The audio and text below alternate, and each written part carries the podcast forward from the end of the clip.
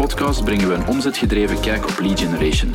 Met concrete strategieën, adviezen en argumenten om je marketingaanpak te transformeren. Enjoy.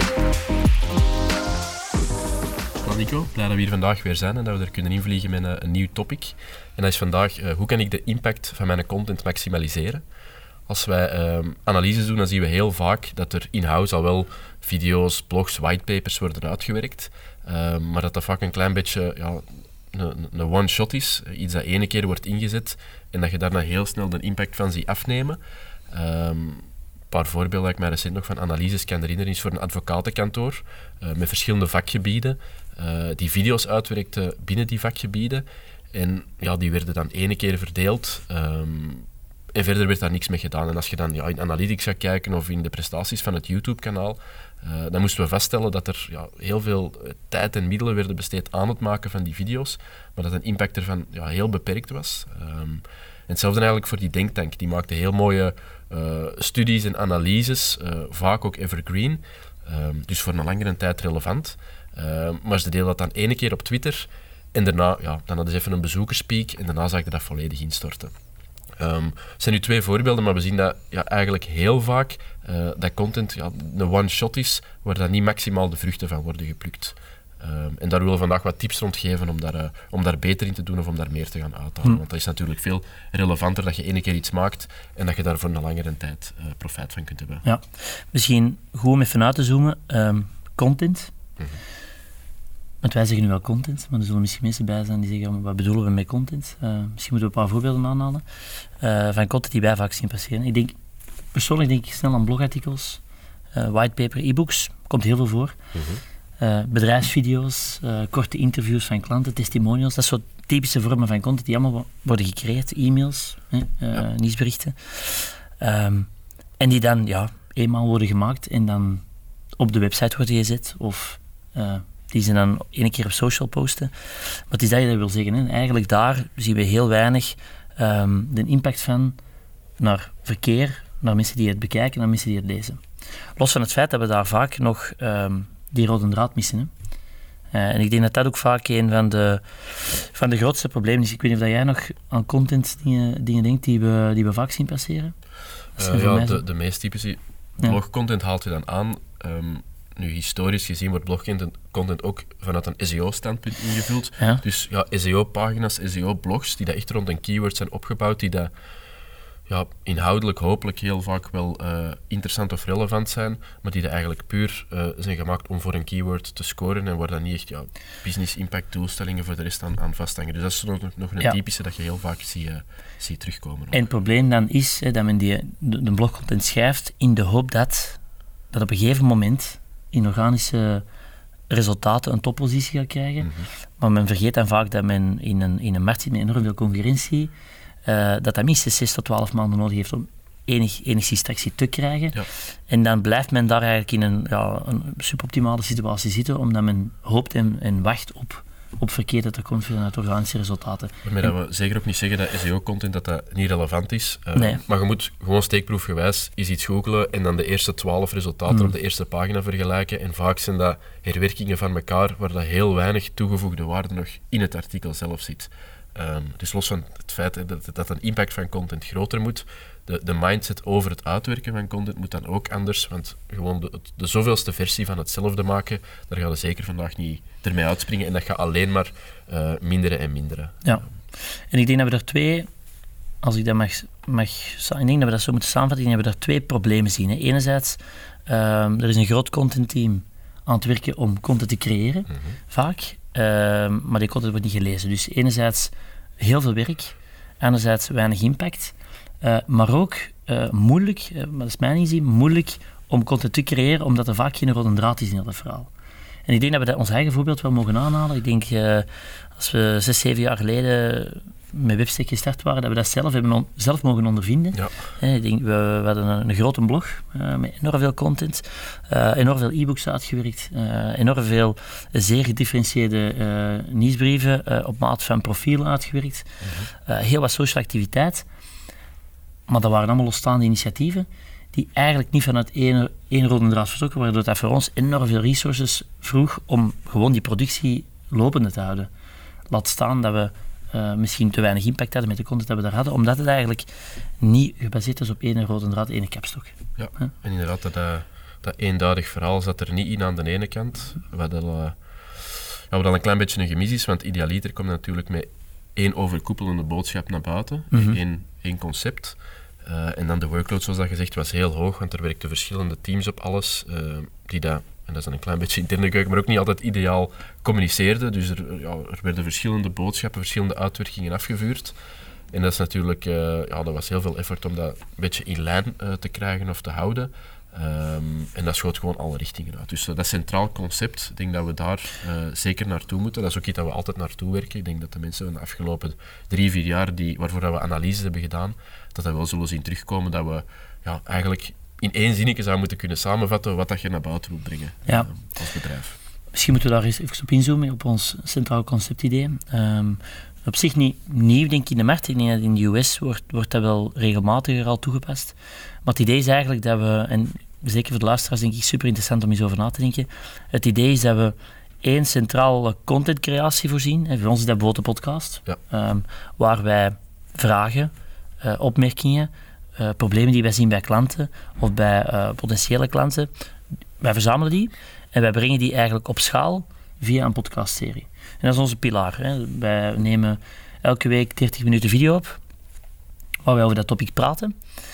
En het is daar eigenlijk dan al heel onze uh, distributie wordt op afgestemd. Hè. Dus elke, elke video wordt uitgespitst aan een podcast. Er worden kleine teasers gemaakt voor social. Ehm, daar wordt onze maandelijkse nieuwsbrief op aangehangen. Ehm, onze organische uh, social content wordt erop aangehangen. De mensen in het team uh, delen die content vandaag. Dus één centrale contentcreatie, eh, dat de rode draad is van het verhaal en waar we eigenlijk heel duidelijk ons point of view in kwijt willen. En dat is eigenlijk de basis om de volledige distributie te organiseren, zelfs in paid. dus het gaat eigenlijk zelfs tot in paid. Um, wordt alles erop gebaseerd. En ik denk dat daar, als ik dan kijk naar ons en als ik dan kijk naar klanten, dat geeft voor klanten enorm veel efficiëntie. We, kunnen maximaal, op die manier kan je eigenlijk maximaal binnen de organisatie de expertise gaan, gaan binnentrekken. Want uh, meestal denk ik de, de, de beste manier om dat te doen is dat met iemand met uh, een hoge expertise gaat binnen de organisatie, die mee te trekken in dat concept, daar eigenlijk heel veel uh, ervaring, kennis, expertise die belangrijk is voor hun klanten eruit halen, om op die manier te gaan gebruiken voor distributie. En dan, dan heb je altijd sterke content dat afgestemd is op de doelgroep effectief en op de, en op de expertise dat er binnen de organisatie leeft. En dat is nu, dat is nu onze doorvertaling ervan. Mm Een podcastaflevering van 20 minuten waarin dat we onze visie op lead generation brengen. Mhm. Ehm, dat wil daarom niet zeggen dat dat voor iedereen de kant-en-klare oplossing is. Dat is ook gebaseerd op ah ja, de, de, de marketingmanagers die dat wij hebben bevraagd in aanloop naar dit concept. Die willen op 15 à 20 minuten snel in de auto uh, nieuwe ideeën, nieuwe inzichten opdoen. En uh, in, in sommige gevallen gaan die dat ook willen bekijken op LinkedIn. Dus, dus het, het, audiogegeven, dat was voor ons het uh, vertrekpunt. Um, maar om het dan ineens breder te trekken en voor te bereiden of klaar te maken voor distributie op LinkedIn via videofragmenten, zijn we tot dit uh, gegeven gekomen. Voor u kan dat misschien anders zijn. Voor u willen ze misschien vandaag drie minuten tijd maken voor snelle inzichten. Misschien hebben ze tijd om twee uur naar uw, uw B2B-inzichten bijvoorbeeld uh, in, uw, in uw segment te luisteren. Dus dat kan heel erg verschillen. Er is zeker niet één juist antwoord voor iedereen. En misschien is een totaal ander medium of een, een ander concept voor u relevant. Uh, maar het is wel eens interessant om daarnaar te vragen van mijn doelgroep, waar liggen die van wakker en hoe willen die mijn informatie, of hetgeen dat ik te vertellen heb, hoe willen die dat gaan tot zich nemen of consumeren. Hmm. Um, dus zeker geen kant-en-klare oplossing, moeten we misschien ook nog even kaderen.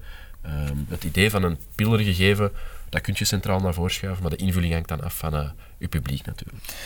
Ja, insights zijn alles. Hè. Dat vlak, ik denk uh, uh, dat er al snel assumpties worden gemaakt van deze. En dat is denk ik ook als we het over contentcreatie hebben. Uh dat is ook wel een, een, een, probleem dat we veel zien terugkomen, los van het feit dat ze niet efficiënt wordt gecreëerd. Dat ze ook wordt gemaakt vanuit de interesse van het bedrijf aan zich. Hè. Um, stel dat je zegt, we, we zijn een vastgoedspeler of een, een projectontwikkelaar uh, en wij vertellen graag over projectontwikkeling. Dat wil diepe definitie zeggen dat investeerders of, of particulieren daar ook geïnteresseerd zijn in die topics. Hè. Dus het is heel belangrijk om, denk ik, uh, een goed begrip te hebben van de klant of de personen voor wie, voor wie we dat ontwikkelen is dat ook relevant voor hen? Zijn zij daarmee bezig? Op welke manier zijn ze daarmee bezig? En vanuit die invalshoek die content te creëren, maar niet vanuit eigen buikgevoel of vanuit eigen interesse. Want dat is vaak een van de grootste valkuilen, zelfs als er uh, vanuit zo'n pilaar contentstuk wordt gedacht. Ja. ja. Inderdaad, denk een heel goed voorbeeld dat daarop aanstaat is voor een uh, uh, HR-speler die dat eigenlijk een redelijk stoffige talkshow wil maken hmm. over de wereld van HR. Maar als we dan specifiek gingen bevragen waar dat hun, hun, hun doelgroep, hun eindpubliek van wakker lag, dan waren dat eerder snelle, snackable tips over hoe dat ze sprongen kunnen maken in hun carrière. Um, dus daar hadden we met dat stoffig concept, dat we kunnen valideren op basis van, van inzichten, dat dat het niet ging zijn. En dat we met ja, snellere, snackable dingen moeten komen, die dat we ook niet per se op LinkedIn zelfs gingen verdelen, want daar bewogen ze totaal niet. Uh, maar op Instagram of bijvoorbeeld uh, TikTok. En, ja. en, dat, zou dan heel, dat zijn heel korte fragmenten geworden, uh, die dat eerder inspireren dan een uur lang over de wereld van HR vertellen. Ja. Um, dus want zo, zo zie je ook heel wat concepten de wereld ingeduwd worden, Klopt. en die halen het vaak dan niet na hun vijfde aflevering. Dat zien we dan ook heel vaak. Er wordt met veel goede moed gestart. Maar als dat dan vanuit eigen interesse gebeurt en vanuit waar dat de, eh, organisatie zelf van wakker ligt, dan gaat dat uiteraard niet resoneren. Dan gaat je niet de feedback krijgen eh, dat we ambiëren of dat wij, dat wij zelf krijgen.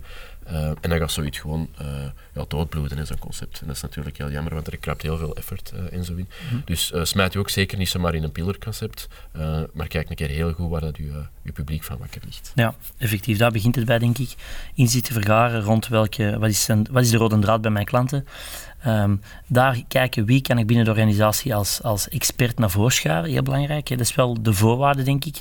Er moet iemand, en dat, mag niet het agency zijn, heel belangrijk. Er moet iemand binnen de organisatie opstaan die een, die een hoge level van expertise heeft in het vakdomein waar jullie op actief zijn. Dat is de key. Als dat er niet is, dan kan zo'n concept niet slagen, of dan zal het toch heel moeilijk worden om um, de inhoud van content op een, op een consistente basis te blijven brengen. Uh, heel belangrijk. En het C-level moet mee zijn. Uh, dat is voor mij ook wel een heel belangrijke voorwaarde. Uh, we zien vaak dat het succes van zo'n concept staat of valt met het C-level of het management dat mediecontent zelf gaat distribueren. Dus dat is, dat is ook enorm belangrijk. Dat geeft een voorbeeld naar de organisatie. En dan zien we ook snel dat de organisatie volgt en dat effectief ook de impact van die pilaarcontent dat we creëren veel groter wordt. Veel impact. Het zou inderdaad iets moeten zijn dat gedragen is. Um waar dat iedereen achter staat. Hmm. Want het gewoon puur van op de bedrijfspagina delen, daar zit zeker de impact niet. Het zijn, het zijn uh, ja, de mensen binnen de organisatie, de C-levels, maar eigenlijk heel de organisatie, die zich dat concept moet kunnen vinden en die, dat, ja, die de micro-assets, maar daar zullen we dan subiet op uh, terugkomen, ja, die dat, dat kunnen delen en daar hun spin of hun gedachte over kunnen geven. En dan, uh, ja, dan ga je veel meer raakvlakken hebben of veel meer mogelijke touchpoints creëren dan dat je het puur van op een bedrijfspagina, die ja, laat ons er heel eerlijk in zijn, maar een beperkte impact kan brengen bijna niet. in de toekomst. Ja, bijna niet, denk ik. Ja, inderdaad. Uh, alles draait om personen, dus ik denk dat we er ook gewoon op moeten afstemmen. Ja. Uh, misschien moeten we op die microcontent ook eens even inzoomen. Ja. Dus we hebben we starten, we starten met, met een centraal concept. Hè, wat is onze rode draad? Door klanten te bevragen. We zoeken een expert binnen de organisatie die zich mee daarachter wil zetten om die content op een consistente basis te gaan creëren, zodat daar eigenlijk alle afgeleiden van kunnen komen. En dan komen we eigenlijk tot die afgeleiden. Hè. Wat betekent dat voor ons? Want wij, noemen, wij zeggen wel micro-assets of micro-snippets. Uh, maar wat wil het eigenlijk zeggen? In C komt het er eigenlijk op neer dat we een video van 30 minuten gaan opknippen in teasers van 1 tot 3 minuten. 1 tot 3 minuten. Waarom? Omdat dat net de lengte is waarop dat mensen, als ze het in hun fiets zien passeren, een tijd nemen om uh, dat eerste stukje te bekijken. En dat is voor ons heel belangrijk, omdat uh, wat, wordt er, wat, of wat werd er vroeger veel gedaan, is als een video werd gecreëerd, bijvoorbeeld hè, een bedrijfsvideo, dan werd dat één keer gedeeld. Hè, laat staan dat die consistentie te laag is, maar één keer gedeeld. Uh, en los van de relevantie, maar één keer gedeeld. Mensen zagen dat passeren in de volledigheid in de feed en werden dan geforceerd om naar YouTube te gaan om die volledige video te bekijken. Constataties zijn niemand dat uiteraard. Of 0,3%, misschien 1% dat doorklikt om dan eens een keer die video, die content te consumeren. Ja. Wat wij hebben gezien is dat, ja, uiteraard, wat is het belangrijkste? De consumptie van die content. We willen onze expertise eigenlijk, of onze inzichten, delen met de markt. Mensen op die manier inspireren om op een andere manier naar hun marktinitiatieven te bekijken.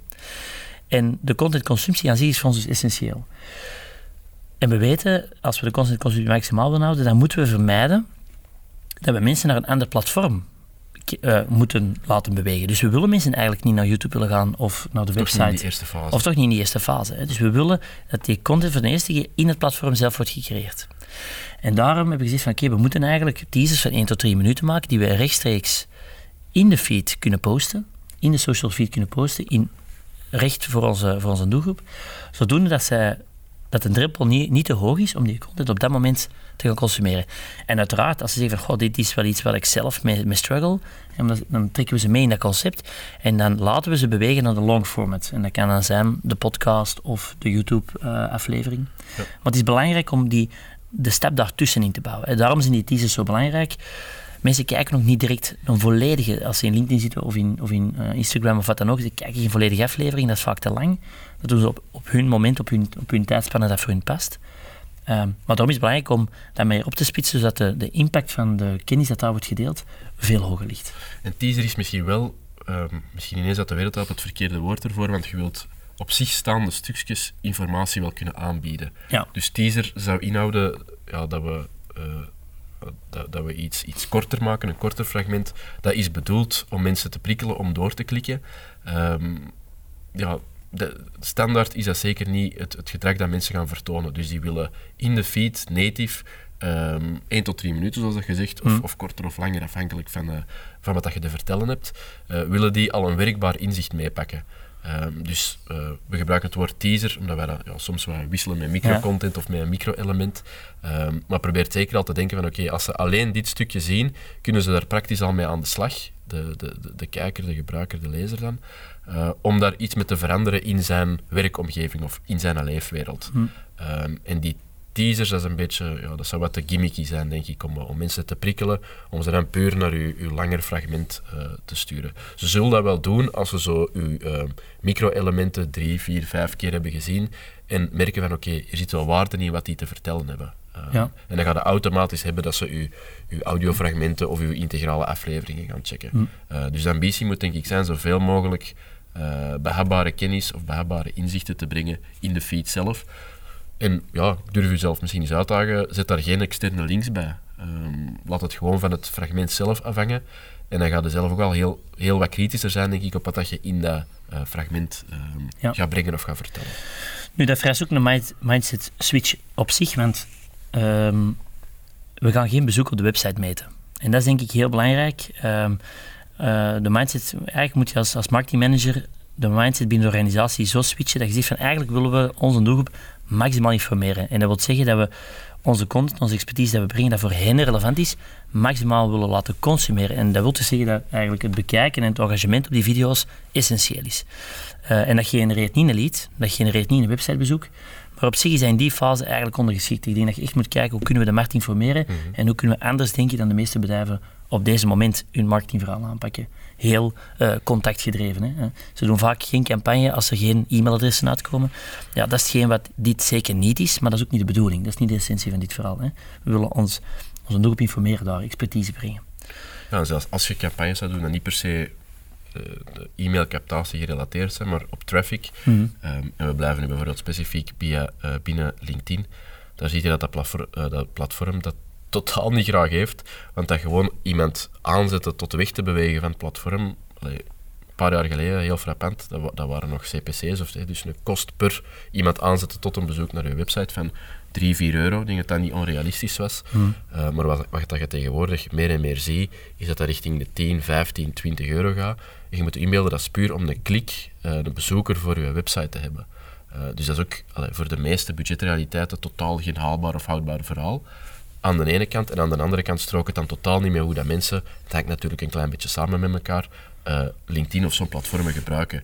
Die willen eerlijk gezegd gewoon op de tijd dat hun uitkomt, uh, binnen een vast ritueel, willen die op die feed scrollen en een beetje informatie opnemen. Die hebben totaal niet de intentie om op advertenties te klikken en dat platform te verlaten. Ja. Dus als, je dat, als je eerste contact een vraag is om naar je website te komen, ja, dan zijn je niet goed bezig. En dan moeten we toch eens even uitzoomen voor te zien, oké, okay, kunnen we misschien informeren en positieve associaties opbouwen voordat wij vragen, voordat wij dat commitment of dat engagement vragen, om naar onze website of naar onze uh, webpagina's te komen. Oké. Okay. Misschien distributiestuk nog, want we hebben het gehad over creatie. Hè. Hoe kan je uh, efficiënter content creëren door na te denken over één centrale rode draad gebaseerd op insights, um, samen met een expert binnen de organisatie gebracht. Uh, opgesplitst in verschillende kleinere assets, hè, die je kan delen via social, uh, dat je kan delen in maandelijkse newsletters naar, naar, contacten. Um, dat je zelfs voor de SEO-mensen onder ons zou kunnen uitschrijven in een blogartikel. Kan perfect, maar altijd gebaseerd op één rode draad. Ja. Maar uiteraard, distributie is meer dan dat. Organisch posten is één ding, uh, maar de reflex die wij ook soms zien passeren is de terughoudendheid naar paid. Naar, naar eigenlijk die teasers ook in paid campagnes inzetten naar de juiste doelgroep. En dat is een tweede stuk, denk ik, in het verhaal dat we vaak missen. Eén, efficiëntie van creatie. Maar twee, de distributie, omdat men niet standaard inzet op paid. Ik denk, vanuit ons aanvoelen is dat uh, altijd een gemiste kans. Altijd een gemiste kans, omdat... Wat is het probleem als je vandaag in, op organisch dingen deelt? Heel tof dat er interactie op komt. Uh, en het wordt gezien door het netwerk en het, het, eh, de mensen die het, die, die het eh, leuk vinden, zullen erop reageren. Heel leuk. Maar dat zijn niet per definitie de mensen die wij als organisatie willen bereiken. En daar zit vaak het grote probleem. Vaak zijn dat mensen die we zijn tegengekomen op events of vanuit vorige werkervaringen, die in ons netwerk zitten en die dat heel leuk vinden dat we dat delen. Maar zijn dat echt de mensen die wij willen bereiken? Dat is vaak niet het geval. En daarom is Paid gewoon essentieel. Dat is eigenlijk de versneller van heel die contentcreatie. Uh, dat is een standaard. Hè. Dat is een standaard die je vandaag moet hebben om ervoor te zorgen dat die creatie ook bij de juiste mensen terechtkomt. Hè. Dat je zegt van, wij moeten zichtbaar zijn bij uh, supply chain managers, bij uh, die type bedrijven. Ja, dan moeten we zorgen dat we daar LinkedIn ads of, of wat dan ook inzetten naar die mensen en dat die, die mensen die, die teasers en die snippets zien passeren. Want anders heeft die contentcreatie heel weinig impact. Te meer, zelfs als je een ideale scenario in je netwerk, door events te doen en door, door, uh, door mensen tegen te komen, stel dat dat 100% de juiste mensen zijn, zelfs dan is het organisch bereik jaar na jaar ook zo gedaald hm. dat ik weet het exacte percentage niet. Ik weet dat op Facebook uh, naar minder dan 1% is gegaan. Maar zelfs van die ideale groep, als die al ideaal zou zijn, wat dus zoals gezegd niet altijd het geval is, want de mensen in het netwerk, dat, dat, zijn vaak niet uw ideale, dat is vaak niet uw ideale afnemer, dan zal een procent of minder uh, van die groep effectief zien wat dat je post. Dus dat is natuurlijk veel te weinig om iets van... Um, uh, impact te hebben, feitelijk een impact te gaan hebben met, met de, de, content of de stukken die dat je uitwerkt. Dus dat komt er zo nog eens bij. De, dat organisch bereik, sowieso, dat gaat jaar na jaar achteruit, puur omdat er ja, meer en meer content gedeeld wordt. Um, en dat er meer inhoud aanwezig is voor mensen om te bekijken. Ja, top. Um, misschien even samenvattend. dus we hebben de creatie hebben afgedikt, we hebben de distributie afgedikt. Um, ik denk dat dat voor ons wel de twee belangrijkste uh, tips zijn die we kunnen meegeven om gewoon efficiënter content te creëren en de impact van de content te maximaliseren. Um, het eerste stuk zal het moeilijkste zijn, denk ik, binnen de organisatie.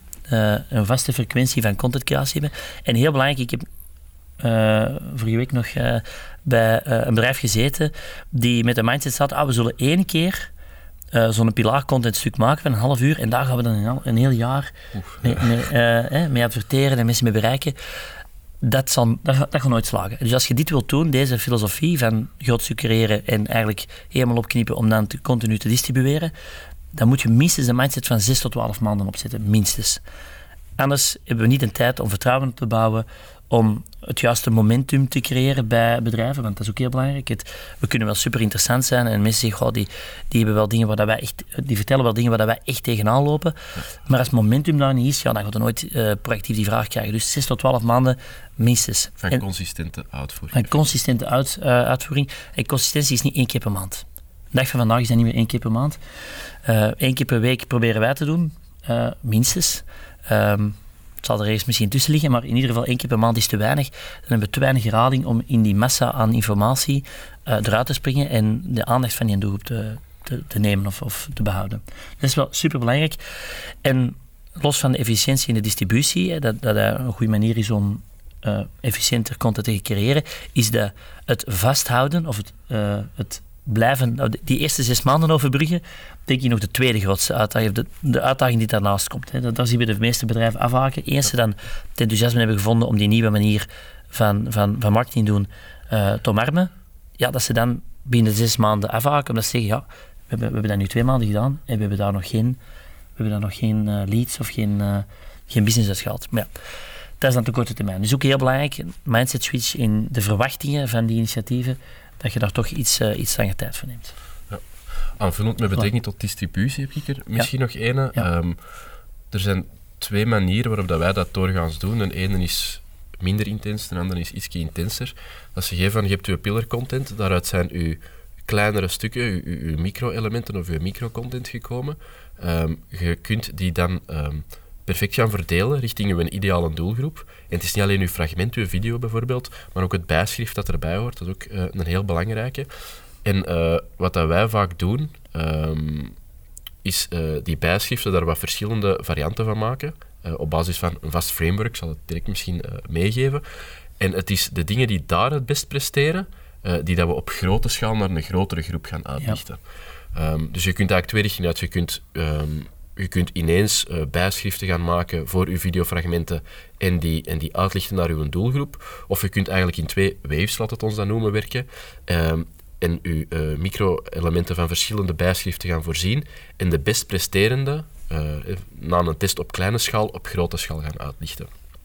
En zo'n typisch manier om tot die bijschriften te komen, um, is door uh, naar vijf invalshoeken te kijken. Je kunt uh, vanuit je video een bepaalde feature gaan belichten, dus echt een, uh, een, een rationele eigenschap, iets dat rationeel in de video aan bod kwam.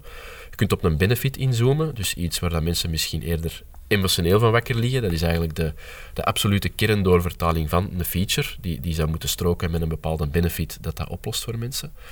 Je kunt met social proof gaan spelen, dus als je daar bepaalde quotes of bewijzen in je fragment hebt aangehaald, uh, of eventueel aanvullend erop, los van het fragment zelf, zou je dat ook in een bijschrift kunnen gebruiken.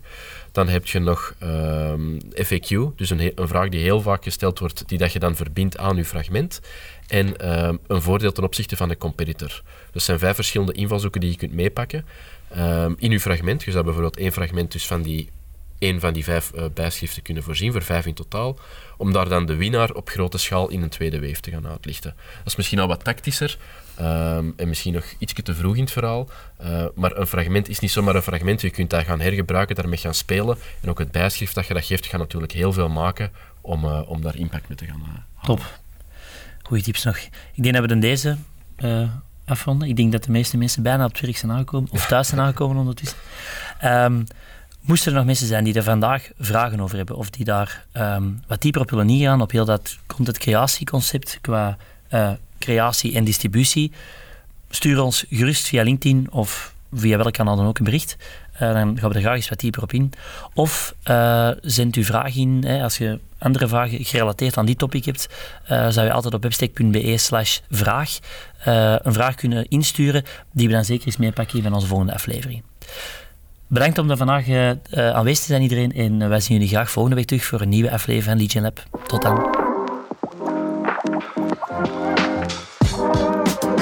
Ik wil toch even de tijd nemen om te bedanken om te luisteren naar de Legion Lab.